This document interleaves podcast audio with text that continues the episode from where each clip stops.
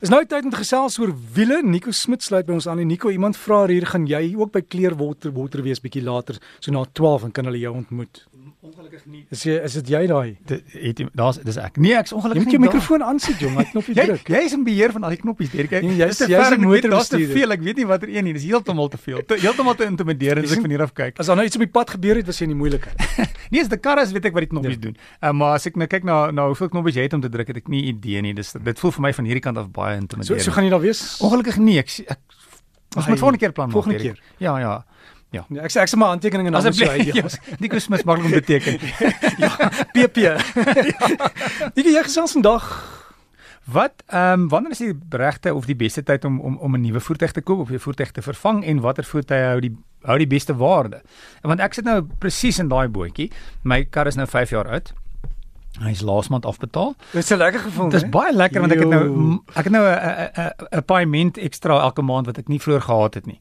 Maar dit voel vir my altyd ehm um, die ander ding ook natuurlik is ek moes hierdie maand my kar die, ou, gister het ek my kar gediens en my kar het vroeër onderhoudsplan gehad en hy het nou geen plan nie. So gisteraand of gister het ek 'n moes ek 'n ou 'n 'n 'n kaart eweskielik ehm ehm ehm gebruik wat ek nie vroeër gebruik het nie. Baie dankie aan Martin, dit bietjie die las bietjie minder vir my gemaak. Ehm um, maar nog steeds dis 'n koste wat ek vroeër nie ho hoef te gehad het nie. So nou is hier iets wat in my agterkop afspeel want ek moet nou dink ek het nou ekstra elke maand, maar dit voel vir my partymal of jy in 'n stelsel is en as jy uit die stelsel uit is, is dit moeilik om weer later terug te kom in die stelsel.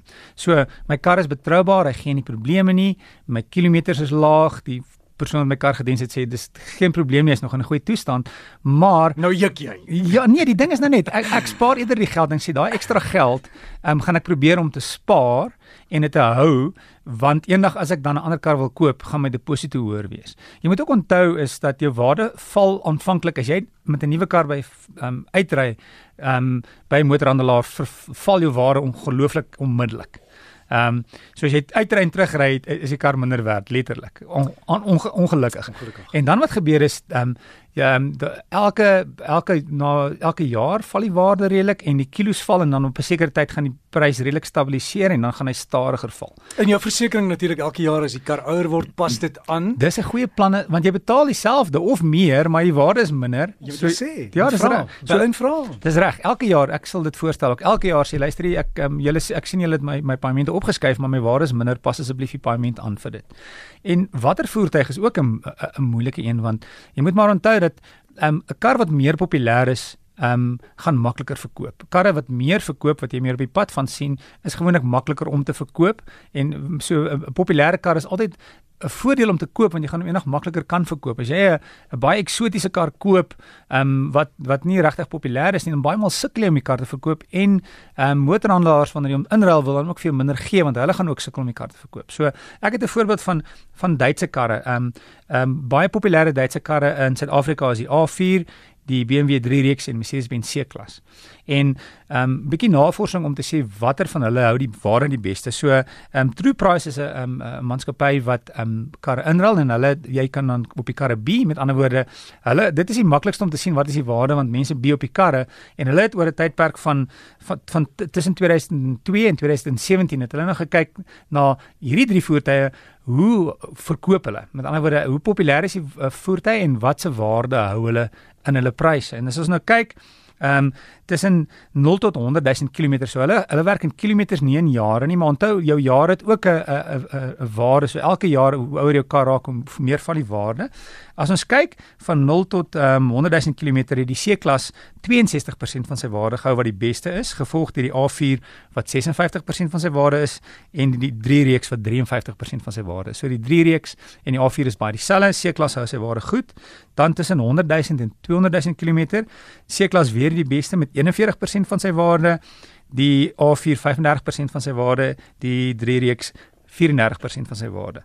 En dan bo 200 000 km, uh die C-klas 30% van sy waarde, die A4 26%, die 3 reeks 27%. So wat dit vir wys is, konstant is die C-klasse waarde die beste en dis die mees populêre voertuig tussen die drie en hy hou sy waarde die beste en hy verkoop die maklikste. Ehm um, wat interessant is as ons nou na hierdie waarde gekyk het, kom ons kyk na bakkies. Ehm um, die twee populêres in Suid-Afrika is die Hilux en die Ranger. Die Hilux tussen 0 en 100 000 km het 69% van sy waarde gehou en die Ranger het ehm um, Ekskuus, Hilux 73% van sy waarde in die Ranger 69. Ehm um, tussen 100 en 200 000 km waar die karre baie geval het, het die Hilux nog steeds 62% van sy waarde gehou en die Ranger 56% en bo 200 000 km het die Hilux nog steeds 68% van sy waarde en die Ranger 53% van sy waarde. So wat interessant is is dat die die bakkies hou hulle waarde baie beter as die voertuie uh, as die as die sedan motors. Jy moet ook maar onthou, dis die persentasie, kom ons sê die persentasie vir 'n sedan is redelik dieselfde en kom ons sê hy het nou 50% geval.